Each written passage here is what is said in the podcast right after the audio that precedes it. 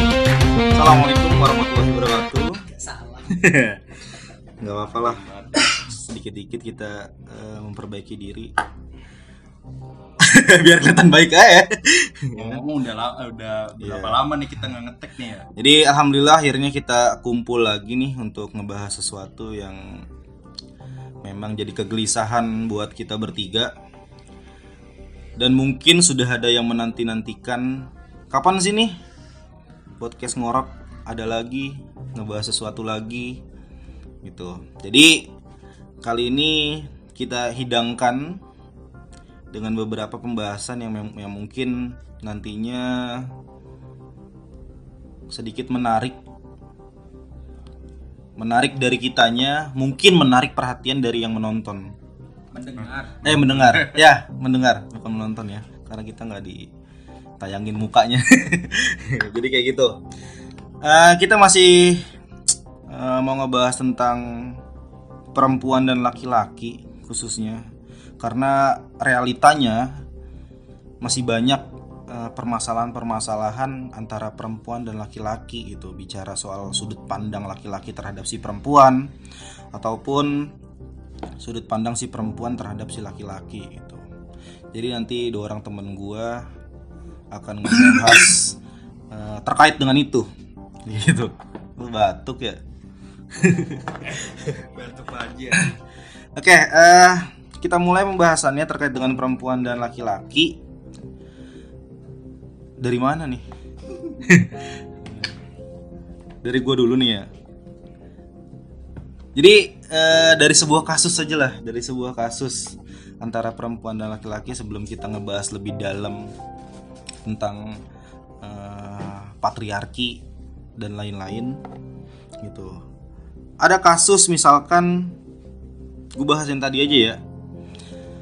Ada kasus misalkan eh, menjadi pertanyaan buat gue sendiri, kenapa sih kalau misalkan kita jatuh dari motor itu sedikit orang yang nolongin bahkan kalau misalkan laki-laki khususnya itu yang ditolongin tuh motornya duluan daripada si orangnya. Tapi coba kalau misal lu tahu realitanya atau lu pernah punya pengalaman nih yang dengerin ini, ketika perempuan jatuh dari motor itu pasti banyak banget laki-laki yang nolongin berbondong-bondong gitu. Kenapa sih dari situ aja kita udah bisa lihat perbedaan tuh, ya kan? Perbedaan antara laki-laki dan perempuan. Gitu. Sebenarnya kenapa sih bisa seperti itu? Itu pertanyaannya sih. Kenapa sih bisa seperti itu? Gitu. Dan banyak kasus-kasus yang mungkin eh, nanti temen gue jelasin. Tapi poinnya gini, ada sesuatu eh, dari ketidaksengajaan, tapi terkadang laki-laki itu mendapatkan hukuman. Padahal nggak sengaja, gitu ya. Padahal nggak sengaja, tapi dia kadang mendapatkan hukuman. Dan ini bicaranya bagaimana sih sebenarnya kedudukan perempuan dan laki-laki kalau kayak gini gitu, gitu. Coba lu sikapin dah yang lain. Jadi gimana tuh terkait dengan pertanyaan kenapa sih bisa seperti itu tuh? Ayo teman-teman gue nih. Bung Isan gimana Bung Isan gimana ya kalau gua ngeliat aduh kasus gak sengaja kayak kayak pernah dengar cerita orang juga gua Karena sosial media juga banyak ya. Gitu. Iya. Jadi kalau gua mandangnya ini apa sih?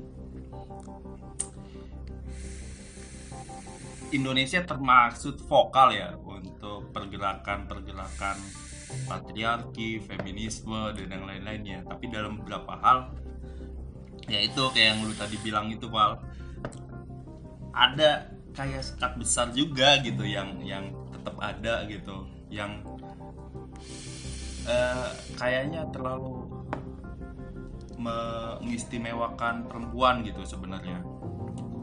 Bahasanya gimana ya? Bukan mengistimewakan kali ya tapi eh, apa ya mau didahulukan gitu.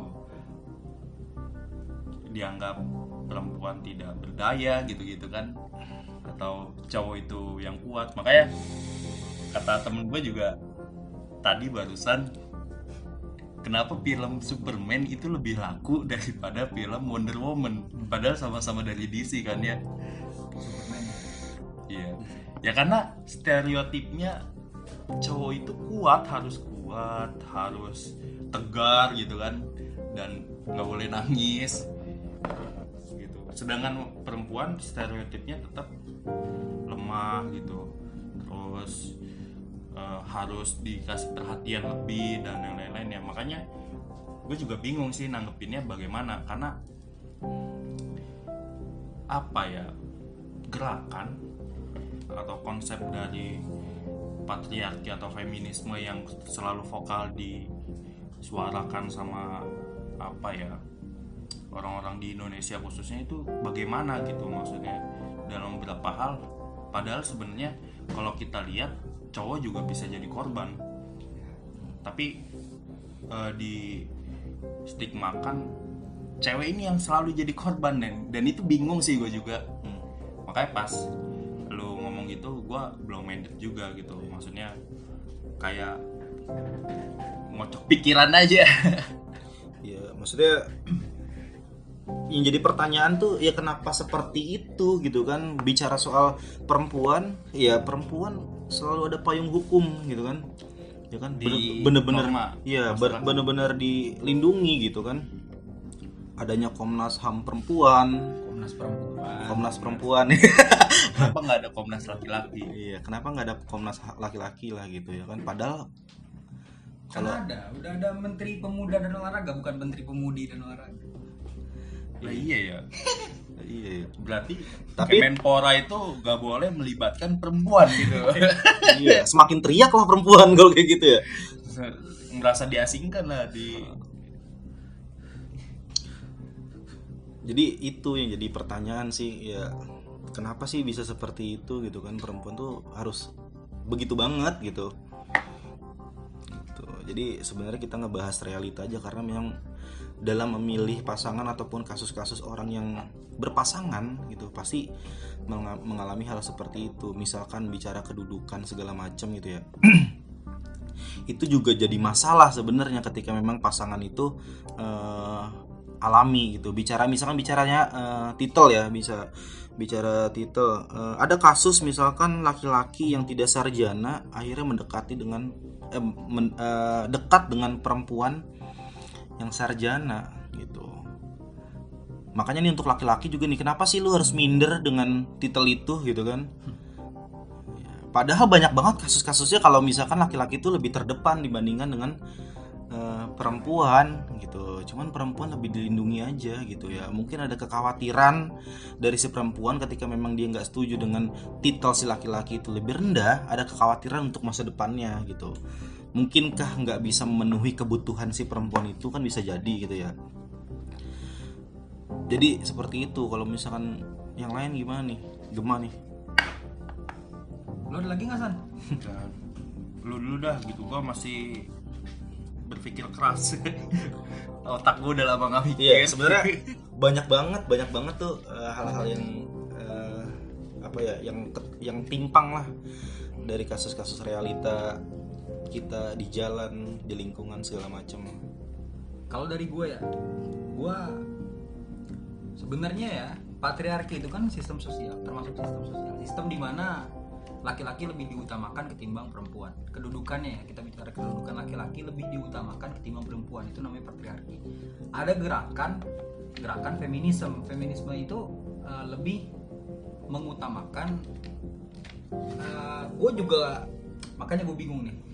Gue bingung karena dalam visi misi feminisme itu mau sederajat atau lebih tinggi daripada laki-laki atau eh, Melampaui.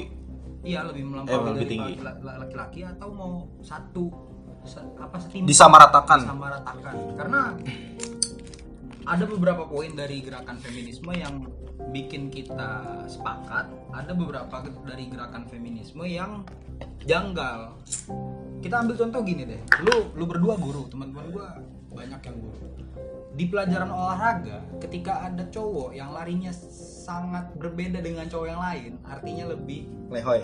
ya oh iya mondek gitu. Jangankan temen-temennya gurunya pun mungkin akan ngeledek.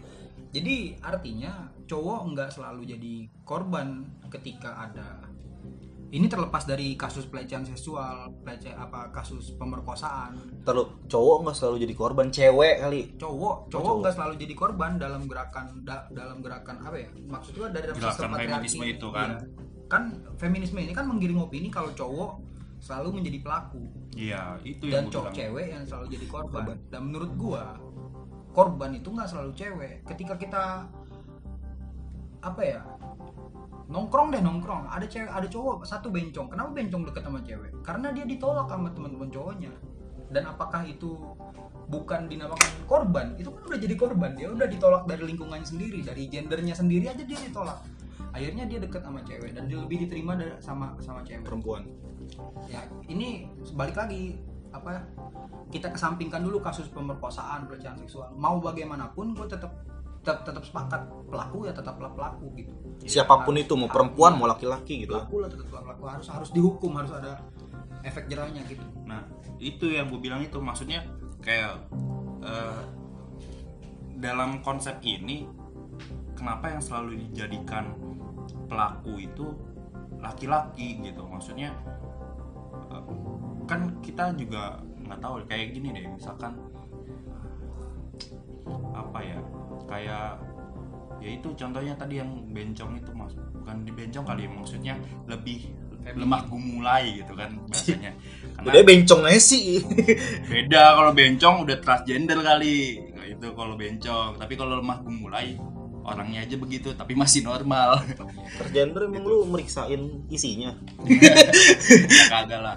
Cuman gua itu sih maksudnya sepakat di situ. Kita nggak tahu orang-orang kayak gue punya temen dulu kayak di SMK maaf maaf walaupun bercanda kayak gini. Eh jangan deketin ini ini titiknya kecil gitu. Maaf ya. Titiknya kecil bahasa itu kan sebenarnya eh, secara verbal itu udah menyakiti itu sebenarnya kan ya. Harusnya yang dikatakan korban itu adalah si Laki-laki. gitu. Tapi dalam kasus itu itu cuma jadi bahan ketawaan gitu. Diketawain dan dianggap wajar. Kan gue gue gue di awal gue juga bingung sebenarnya konsep dari feminisme untuk melawan patriarki sebagai eh, apa sistem sosial yang dianggap dianggap sudah mendarah daging di di budaya timur gitu kan. Kayak gimana gitu tapi, maksudnya? tapi lucu nih. Kalau kelaminnya kecil nih dijauhinnya juga eh, maksud maksudnya apa ya disudutinnya bukan cuma sama laki-laki dijauhin sama laki-laki dijauhin sama perempuan juga jadi sendiri tuh ya kalau kalau yang kelaminnya kecil sendiri ya itu Nah makanya itu maksudnya itu kan juga korban ya. Itu beneran ada dan pernah pernah gua lihat di depan mata gua sendiri. ya pengalaman lu kali Anjir. Mau lihat kobra Gua piton nih. Venom. Gitu sebenarnya apa ya? Itu pertanyaannya mau disamaratakan, mau sejajar atau mau lebih Melampaui, ya. melampaui gitu. Kalau gua gua gua mau nanya deh sama orang-orang yang denger ini yang kebetulan jadi anggota gerakan feminisme di mana pun lu, gua mau nanya sama lu deh. Tujuan lu itu sebenarnya apa sih? Maksudnya gara-gara lu kita nggak bisa godain cewek di tongkrongan gak? sekalinya kita ada cewek lewat nih kita lagi nongkrong lagi ngopi ada cewek lewat. Cewek lewat cuman di sweet sweetin doang. Padahal itu kan menurut gua ya wajar. Terlepas dari itu apa ya pelecehan verbal lah segala macam walaupun nggak nggak kita nggak nggak ngerepe nih kita nggak ngegrepe artinya cuman cewek cewek cakep nih cewek cakep. Iya. padahal cuman omongan kita sendiri. Iya. gua ngomong sama Isan San tuh cewek itu cakep tuh. Kita udah di stigma Negatif. iya da- negatif dari lingkungan kita sendiri. Lu apaan sih cabul banget? Kan gara-gara gerakan feminisme yang ngambang ini yang nggak punya tujuan ya gue nggak bilang lu nggak punya tujuan tapi tujuan lu ngambang anjing. Lu harusnya lu ngejelasin ke kita kita lu gerakan feminisme tuh ini mau ngelawan ini ini ini sub sub temanya nih ini ini ini yang dilawan tuh ini. Itu kan jelas gitu. Kalau lu cuma mau ngelawan pelaku pelecehan seksual pelaku pemerkosaan gue sepakat dan gue akan membela itu gitu ya padahal nggak ada yang dirugikan juga kalau cuma sekedar verbal gitu ya. Ya kecuali cakep. ya kecuali kasus Agni itu ya kan karena dia membekas bener-bener karena dia pelecehan seksual ada sentuhan gitu kan. Ada goresan mungkin ya kan. Kalau sekedar kayak goda-godain mah. Gue pernah ya jalan berdua sama temen gue pal dari pengajian di PGC gue ngeliat ukti ukti cantik. Nah, gue ngegodain dia neng hati-hati ya. Gue cuma bilang gitu hati-hati. Nah yang ngebonceng gue marah-marah. Padahal pesannya positif. Iya iya padahal pesannya positif gitu kan. Dan temen gue namanya Ihsan Aderakba. Gue cuma bilang cewek neng hati-hati ya. Gue cuma bilang gitu dan anjing dimarahin. Dimarahin sama cowok. Sama dia. sebenarnya bukan bukan karena lu itu ya karena gue kagak biasa begitu bre. Ya karena mungkin Jadi masih punya stigma itu. Bukan. Nah itu maksud karena gua. gue kagak biasa maksudnya gue nggak biasa begitu ketika lu kayak gitu gue kaget Iya, gitu iya, iya. jadi Maksud gua masih banyak hal-hal yang yang perlu ditinjau lagi gitu. Jangan mentang-mentang lu udah punya gerakan eh, gerakan apa namanya besar yang masif, anggota lu banyak, tiba-tiba lu nibanin budaya lama gitu. Lu harus Hmm. ngeliat dong. terbuka lah Iya. pikiran terbuka tapi gue pernah punya temen cewek sih bre yang digituin apa lewat tongkrongan terus di cicit di gitu gitu ya Iya, iya, iya. Gitu. Kalau gua tanya dan dia cerita ke gua dia tuh kayak kayak takut gitu. Makanya gue bilang eh, maksudnya mau disamakan atau kayak gimana harusnya rasa takut itu nggak ada gitu. Maksud gue sih lebih arah itu. Cuman kalau ditanya kenapa mereka nggak suka ya gitu. Ada rasa timbul nggak takut was was gitu. Eh nggak takut ada rasa perasaan takut lewat situ terus was was nggak nyaman gitu. Nah makanya pertanyaan gue balik lagi ke bagaimana konsepan maunya kedudukan dia gitu. Ya. kalau digituin aja udah takut masa cewek eh, masa cowok yang di stigmakan harus kuat nggak boleh takut juga begitu gitu kan? Gitu sih. Tapi ada berbagai macam sudut pandang sih kalau misalnya gue lihat kalau misalnya kasusnya kayak gitu ya. Gitu kan mungkin gitu kan di benak si perempuan Enggak. kamu.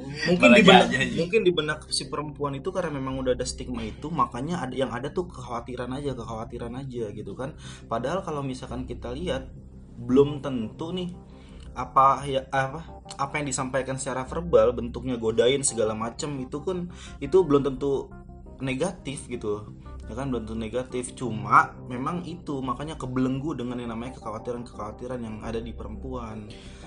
Sebenarnya dia melindungi apa sih gitu? Ya melindungi virginity lah. tapi Kayak ya gitu kan. itu. Berharga kan berarti? Ada beberapa pendapat bilang eh, melalui dari verbal bisa berani ke tindakan sebenarnya gitu. Awalnya memang dari verbal gitu ngelihat terus didukung ceweknya. didukung sama atribut. Ngelihat ceweknya yang nggak Lebih maksudnya yang lagi. yang nggak marah atau nggak ngelawan pas digituin gitu. Jadi karena sering digituin terus nggak nggak nggak Digituin gimana sih? godain. Godain gitu. Kayak lagi lewat di cucut gitu gitu mungkin dari tindakan verbal si perempuan ini khawatirnya ke tindakan yang lebih berani lagi. Ya kalau kagak ada perlawanan kayak gini aja gitu. Gue gini gue nyolek nyolek lupa gelepak gelepak pala lu misalkan ya. Lu diem aja nih kan kagak ngelawan. Berarti gue nganggap itu biasa dan dan gue keterusan. Mungkin sometimes gue bisa lanjut nonjok gitu. Karena digelepak aja diem berarti ditonjok boleh dong gitu. Begini nih beneran ini kasusnya ada perempuan misalnya perempuan ya makanya sebenarnya atribut itu juga mempengaruhi kalau menurut gua. Kalau misalkan kita anak tongkrongan nih yang ngerokok ngerokok ngopi ya kan segala macem ya kan lu pakai celana pendek lu mungkin tatoan ketika memang lu menggunakan cara yang baik misalkan assalamualaikum ketemu sama Uti tetap aja dia takut. Tapi coba kalau misalnya perempuan nih Uti Uti yang memang dia menganggap dirinya adalah orang yang baik ketika memang dia assalamualaikumin sama orang-orang yang mungkin pakai baju koko pasti dia apalagi baju koko misalnya terlihat baik gitu terus Oh, atribut si cowoknya, atribut Iya. si penggoda. Gua atribut, kira atribut si penggoda Hmm, maksud gua kita kita pakai eh, frame si perempuan ini sama misalkan adalah perempuan ukti lah gitu ukti ukti punya eh, gambaran mungkin lu juga punya gambar kan ukti itu seperti apa gitu yang jilbub jilbub. yang denger Jilbub, gitu kan bukan. Nah, karena perempuan nih dalam dalam dalam diri si perempuan kalau misalnya digodain dengan orang-orang secara atribut seperti dinilai adalah orang-orang baik, mungkin pakai baju koko, mungkin dia pakai peci, walaupun dia nongkrong di warkop dan ganteng lah plusnya misalkan dan ganteng pasti dia punya kebanggaan juga eh gue digodain gue digodain gue digodain sama ya ampun itu kelihatannya kayaknya cowoknya soleh dia pulang dari masjid dia ngopi gitu gitu kan Ya kan? makanya sebenarnya gue itu itu relate sih Iya kan? Kalau gue ngelihat di media sosial sekarang kesejahteraan bagi apa rakyat yang good looking gitu kan. Cewek kalau digodain sama yang ganteng itu salting gitu. Pernah kan begitu? Ganteng terus tajir ngelihat bawa mobil terus Kalau lu nanya gue pernah apa enggak, emang gue digodain anjing. Nggak maksud ya iya ya. Nggak maksudnya lu pernah gak sih ngeliat begitu gitu? Tapi giliran digodain sama yang biasa aja gitu yang jelek. Maaf ya secara fisik itu Iya. Gua Jelas minta maaf secara dulu fisik. ya. Secara fisik secara fisik ya mungkin dia tatoan, Ge- mungkin jerawatan, mungkin apa. ya nggak enak dilihat lah gitu itu risih dia gitu maksudnya Apalagi pas dilihat dalamnya kecil. dalamnya ke, ah, bahasa gitu lah anak Honda anak Honda, ulat anaknya keket. anak Honda Ulat keket. gitu maksudnya ya balik lagi sih tergantung perempuannya gitu Tergantung perempuan dan digituin apa. tergantung si penggoda. ya Gitu. gue baru nggak juga maksudnya giliran digodain sama yang ganteng ngera- nggak ngerasa jadi korban ngerasa ngerasa punya punya apa punya penghargaan terhadap diri sendiri. Oh berarti gue cantik nih gitu. Gue cantik. Gue disapa sama dia gitu. Giliran digodain sama yang nggak diharapin ngerasa jadi korban gitu. Sering banget gue dulu di SD tuh begitu. Lu digodain? Bukan Dilecehin. Giliran- iya anjing Di- iya lagi lagi iya lagi latah aja gua Sambil makan dong, Sita. Kita ada sponsor nih Tenggo. Mudah-mudahan. Mau yang enak dan bernutrisi, ambil di sini milk one jadi kayak di SD nih si cewek ini giliran digodain atau diajak main sama yang cowok maksudnya lumayan lah penampilannya di kelas Ya gitu. udah ganteng dan jelek ganteng gitu itu mau gitu Ganteng jelek tolol. Udah dah. Gimana ya? Tolol? Iya, giliran diajakin Iya, main kan? dibecandain Eh, jelek tolol. giliran diajak main sama dibecandain sama yang jelek gitu itu dia ngerasa ng- ngerasa diganggu akhirnya manggil kakaknya gila gak lu Jadi sebenarnya konsep feminis ini bisa berjalan ketika si perempuan itu sadar. Perempuan itu sadar akan dirinya sendiri, sadar akan lingkungannya. Ketika dia punya lingkungan yang buruk, ya mau nggak mau dia harus menerima uh, sweet-sweetan. Eh cewek, mau kenalan dong gitu. Tapi kalau dia berada di sebuah lingkungan yang baik, mungkin uh, budaya-budaya nakal cowok-cowok tongkrongan seperti itu nggak ada di, di lingkungan dia tapi jadi ketika dia jalan sendirian ketemu uh, cowok-cowok yang lagi nongkrong. Jadi dia kaget. Lebih terbuka aja sih pikirannya. Maksudnya jangan sempit. Kalau menurut gue kayak sempit gitu. Kalau kalau gitu. salah satunya. kalau pandangan gue sih agak beda sih. Bila maksud juga kalau sometime kalau pendengar ya pendengar. Kalau lu nih yang cewek nih gitu. Di ngerasa digituin dan lu risih ya lu langsung ngomong aja ke orangnya gitu. Lu lawan gitu jangan jangan anggap yang lawan itu ya harus cowok gitu ya jangan anggap yang harus kuat itu cowok doang gitu kan ya lu lawan lu ngomong Coba lu contohin ke gua, gua misalkan perempuan yang lu godain. gitu Coba kita simulasi aja. Lu lu, lu laki-laki di tongkrongan, gua Ya. perempuannya. Jadi contohnya untuk mempertanyakan ini gitu. Kalau misalnya godain coba misalkan lu Ah. lewat nih gue lewat nih dengan gaya gue yang cantik Ya. gitu kan. neng mau ke mana gitu Gue nggak risih nih, misalkan ya sebagai contoh. Gue tanya, ya kan, abang tujuannya apa bang? Gitu. Ya iya, Iya, sebenarnya kalau gitu. kalau kalau menurut gua lebih baik begitu Nah. daripada lu berkoar-koar lu sebagai korban gitu. Kalau lu nganggap lu sebagai korban ya apa bedanya gitu. Stigma lu tuh lu lemah gitu. Kalau paradoks jadinya kan Iya. Gerakan feminim ingin ingin ingin, ingin menyetarakan. ingin menyetarakan katanya. Tapi giliran digituin berkoar-koar jadi korban, mending lu langsung selesaiin pribadi aja. Lu nggak suka dan jangan kayak gitu lagi gitu. iya, maksudnya tapi Jangan berkoar-koar jadi korban gitu. Maksud gua begitu. coba sekali-sekali jadi pelaku godain kita dong Anjir. jadi kekhawatiran itu Gak nafsu kekhawatiran itu cuma ada di benak tapi dia nggak mempertanyakan itu. Coba kalau dipertanyakan kayak tadi kan, yang salah adalah ketika lu merasa jadi korban ah, Gitu. padahal nggak nggak melulu harus jadi korban gitu. Karena tujuan orang juga kita nggak pernah kayak tahu. kayak gua aja kalau kalau gua nggak suka sama lu ya gua ngomong gitu Mm-mm, maksudnya nggak sukanya di mana gitu kan? iya. Tujuannya apa lu goda-godain gue seperti kayak gini? Tujuannya apa? kayak tadi neng mau ke mana? gitu. Ya maksud mas kayak gitu apa? gitu. Mm. Saya mau kenal sama mbaknya. Ya udah kalau misal mau kenal dengan cara yang baik, nah kan kayak gitu, itu ya kan? enak gitu. Emang nanya neng mau ke mana? Bukan baik. Ini mau ke mana? Ya maksudnya memperta memperta baik sih cuma kalau lu ngerasa risih gitu. Baik cuman kan, ada baik cuman ada balik stigma. kalau bisa nggak ada cewek yang digituin ngejawab baik-baik. Ya maksud ada gua- yang ngerasa risih dan berteriak-teriak jadi korban. Maksud gue itu jangan sampai lu teriak-teriak jadi korban. Kalau gue mikirnya gitu. Maksud gue dari pembicaraan gue sebelumnya itu ceweknya itu sadar sadar akan lingkungannya. Ketika dia punya dia sadar nih lingkungannya begitu dan dia harus menempatkan dirinya dia ke lingkungan biasanya dia. Misalkan kampusnya kampus kampus bukan kampus Islam ya misalkan ya kampus umum lah misalkan jadi kalau misalkan ketemu hal-hal yang kayak gitu ya mau mbok ya dimaklumi gitu. Jangan lo up, update instastory terus cerita cerita tadi gue digodain gini gini gini terus gue merasa merasa risih dan segala macam. Artinya kan lu nggak sadar. Kalau lu udah nggak sadar ya mau nggak mau lu akan tetap merasa menjadi korban. Ya, makanya itu yang dipertanyain sih sebenarnya.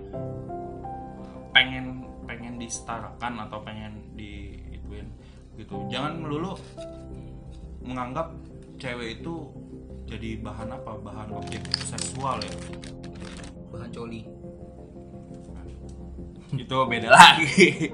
Tapi kalau di masa sekarang di sekarang ini bukan kalau menurut gua ya bukan cuma cewek sih yang jadi objek so, eh, ini seksual. Ya, cowok juga. Cowok juga sekarang bisa jadi. Gitu. Kita nggak mau munafik lah. Sekarang banyak cewek yang melakukan masturbasi. Ya. Dan itu pasti siapa yang dijadikan objek ada juga beberapa pelecehan terhadap cowok sekarang. Ya untuk maaf, maaf ya untuk tante-tante yang kesepian.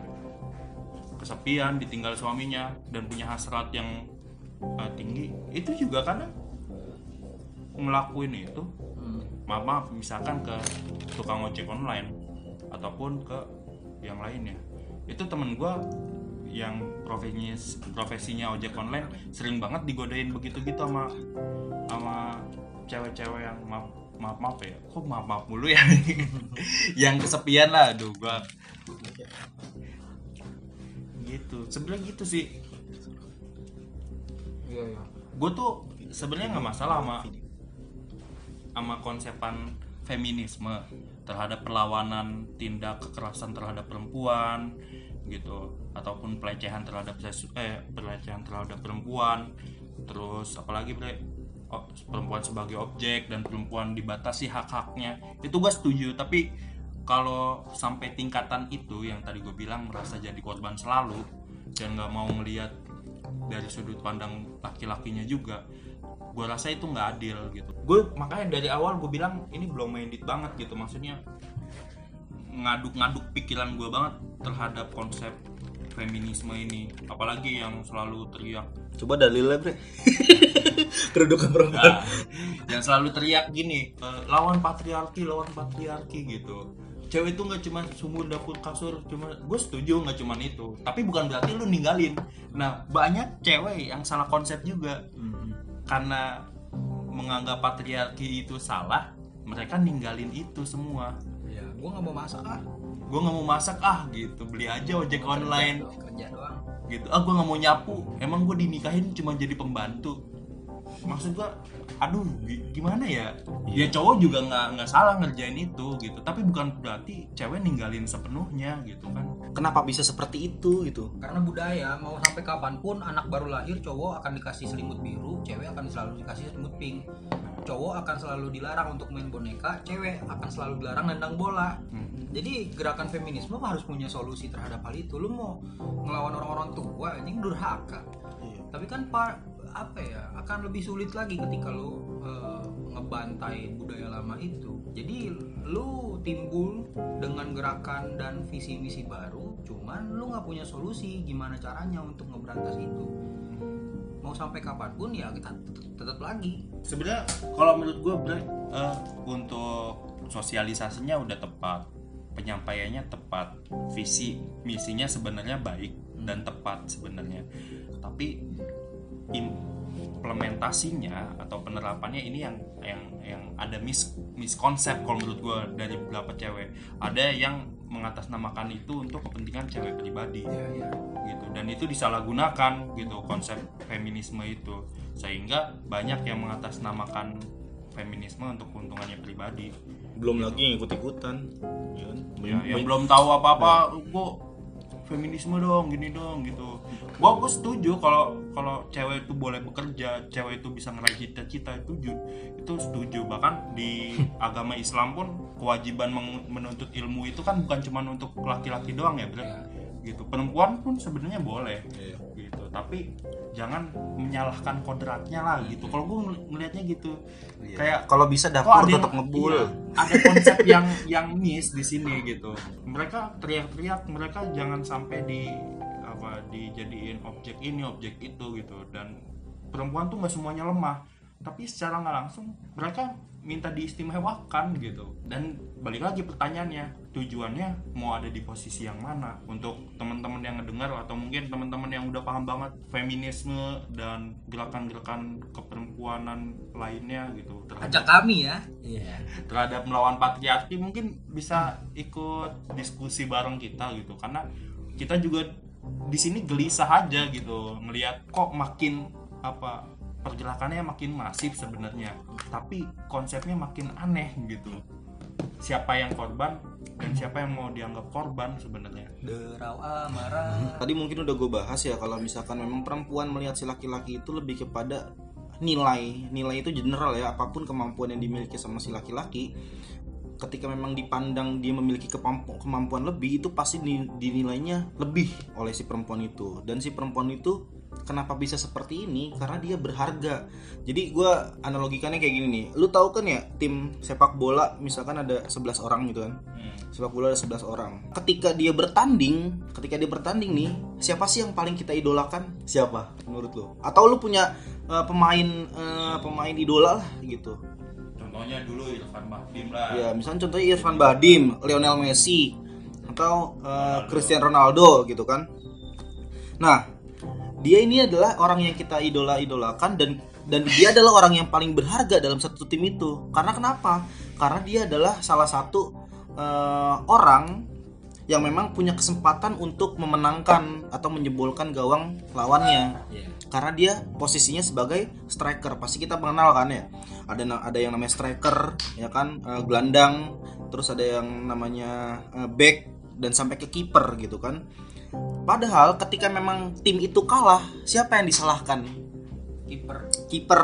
Pertahanan belakang itu ada kiper ada back ya kan. Padahal yang lebih berjuang gitu kan yang punya nilai lebih untuk mempertahankan kemenangan itu siapa? Back dan ki kiper ya maksudnya sadar kan ya kalau misalnya itu perjuangan back dan kiper itu lebih lebih besar dibandingkan dengan si strikernya itu gitu.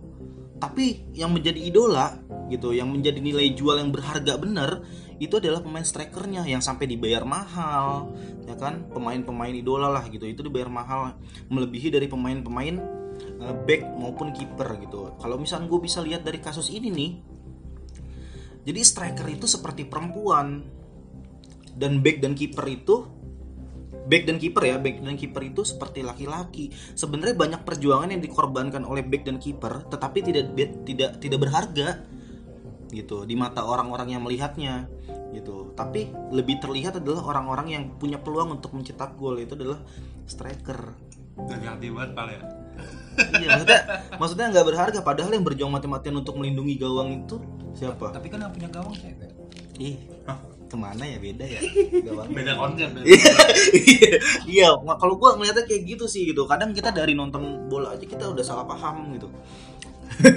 salah paham. Seharusnya yang bener-bener kita idolakan tuh kiper, bukan Cristiano Ronaldo. De Gea tuh, De Gea. ah itu yang harus jadi idolakan itu pelatih Ih, pelatih nggak ngapa-ngapain. kan ngelatih loh Tapi nggak main dalam pertandingan. Ya kan? Nyusun strategi Ya, strategi kayak Nah itu berarti pelatih nggak dianggap jasanya dong sama lo dianggap, tapi kan dia nggak bertempur langsung di Apa lapangan. takdir? Kalau nyalain takdir, lu nyalain Tuhan. Makin tinggi Iya. Udah lah. Dari back kiper pelatih ya. kayak gitu makanya ini lebih kepada berharga dan bernilai kalau kalau kalau menurut gua gitu kan ya apa ya contohnya gitu kan apa pun profesi semakin berat profesi yang dilakukan sama si laki-laki pasti itu punya nilai besar terhadap orang-orang gitu kan. Tadi contohnya ya ya, mau dia tukang eh, misalkan yang kerja sebagai mesin di laut gitu kan. Gitu di kapal lah di kapal. Dia tugasnya adalah teknisi mesin di laut di kapal gitu. Nah, itu pasti punya penghargaan eh, atau apresiasi lebih besar di hadapan orang lain. Padahal kalau misalkan kita sadar nih, gitu kan, semakin tinggi eh, profesi yang dijalankan sama seorang laki-laki itu semakin tinggi pula resiko yang dihadapi sama si laki-laki itu, gitu. Nah, kalau misalkan si perempuan ini nih, kalau menurut gue mak- makanya kenapa sih perempuan tuh harus dandan segala macem ya kan? Dia harus pakai heels gitu. Ya kan?